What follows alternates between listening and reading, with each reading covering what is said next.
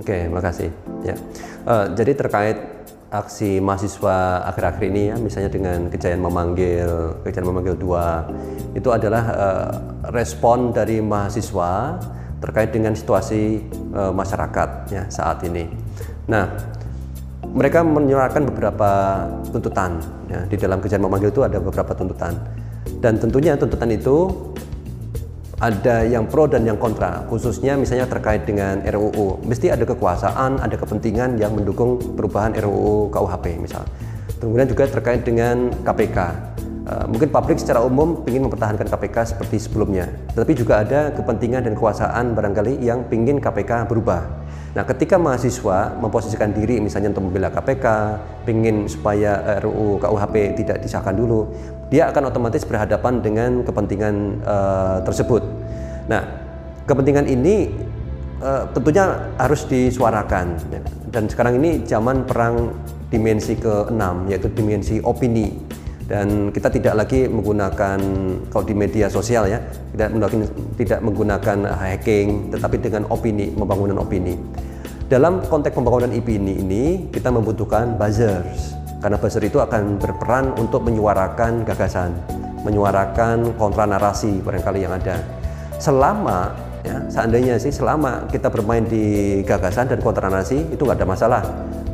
Memang yang menjadi masalah sekarang ini yang banyak dikeluhkan itu adalah tidak lagi kita itu bicara soal gagasan, tetapi sudah menyerang orang menyerang orang, melakukan doxing, membuka karakter uh, kepribadian, mungkin sejarah, cerita, hal sifatnya privasi dari uh, lawan, uh, kemudian menggunakan panggilan-panggilan yang buruk, kemudian melakukan bullying uh, dan seterusnya. Kata-kata yang sifatnya jauh dari nilai ketimuran, ya, pada umumnya itu digunakan untuk kill the messengers. Ini semualah yang sebetulnya menjadi masalah. Seharusnya kalau kita bermain di gagasan saja harusnya tidak ada masalahnya, tapi hal seperti ini yang kita melakukan defamation uh, ad hominem ini yang kemudian jadi masalah besar. Saya kira itu itu yang yang yang, yang menyebabkan kenapa kok buzzer itu uh, punya penurunan nilai ya makna. Yang tadinya buzzer itu harusnya positif, sekarang ada kesan buzzer ini jadi uh, negatif. Tapi saya lihat ini spesifik sih, hanya buzzer-buzzer politik. Buzzer-buzzer yang lain yang terkait misalnya banyak sekali orang yang ingin memperjuangkan kemanusiaan, membela mereka yang ada kesulitan, ada bencana, korban. Mereka menjadi buzzer untuk itu tanpa dibayar dan dengan sukarela. Itu semua juga buzzer untuk kebaikan.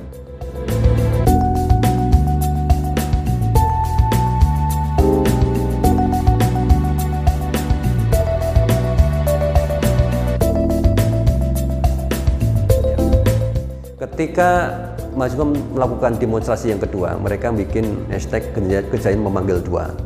Pada satu hari full dari pagi sampai sore kejadian memanggil dua uh, bagus. Biasanya sebelum jam 6 kan masih sudah turun. Tapi selalu ada yang masih stay di lokasi dan mereka bikin kerusuhan bikin uh, campur lah apakah itu mahasiswa kadang kita nggak tahu ya. apakah itu anak STM betulan kadang kita juga nggak tahu tapi yang terjadi di lapangan adalah kondisi yang anarkis ya kondisi yang mudah kemudian untuk menjatuhkan nilai dari uh, gerakan mahasiswa ini. Pada saat itu muncul hashtag mahasiswa pelajar anarkis. Hashtag ini awalnya dibuat oleh hanya oleh giveaway, hanya beberapa postingan saja. Cuma sayangnya hashtag ini kemudian diambil oleh mahasiswa khususnya yang ada di Jakarta uh, pada malam hari itu hingga hari berikutnya. Mereka menggunakan hashtag mahasiswa pelajar uh, anarkis tetapi dengan konten sebetulnya melawan tagar itu. Konten itu isinya tulisan-tulisan mereka tidak menggambarkan seperti itu, tapi masih menggunakan uh, tagar yang diawali oleh giveaway tadi. Nah, di sinilah ada kesalahan strategi dari mahasiswa yang tadinya dia berharap untuk meng-hijack barangkali ya tagar yang ada dengan konten yang positif Uh, mereka lupa bahwa dalam konteks uh, sosial media yang namanya hashtag itu membawa sebuah meme. Meme itu adalah unit terkecil dari pemikiran. Itu kalau bahasa asli makna asli dari uh, meme. Nah, um, meme itu bukan hanya gambar, ya, tapi hashtag itu membawa gagasan tertentu. Nah, gagasan inilah yang akan diingat oleh orang. Gagasan bahwa mahasiswa pelajar anarkis, apa pun isi konten di dalamnya itu nanti akan lupa. Orang akan ingat hanya gagasannya saja. Harusnya mahasiswa saat itu dia nggak terbawa. Kalau dia mau melakukan kontra narasi, bikin hashtag baru. Misalnya mahasiswa pelajar kritis, mahasiswa pelajar menyuarakan aspirasinya misalnya gitu atau mungkin kalau udah malam-malam bilang mahasiswa pelajar sudah pulang ya, sore-sore sudah kembali pulang misalnya dan itu diamplifikasi sebagai kontra narasi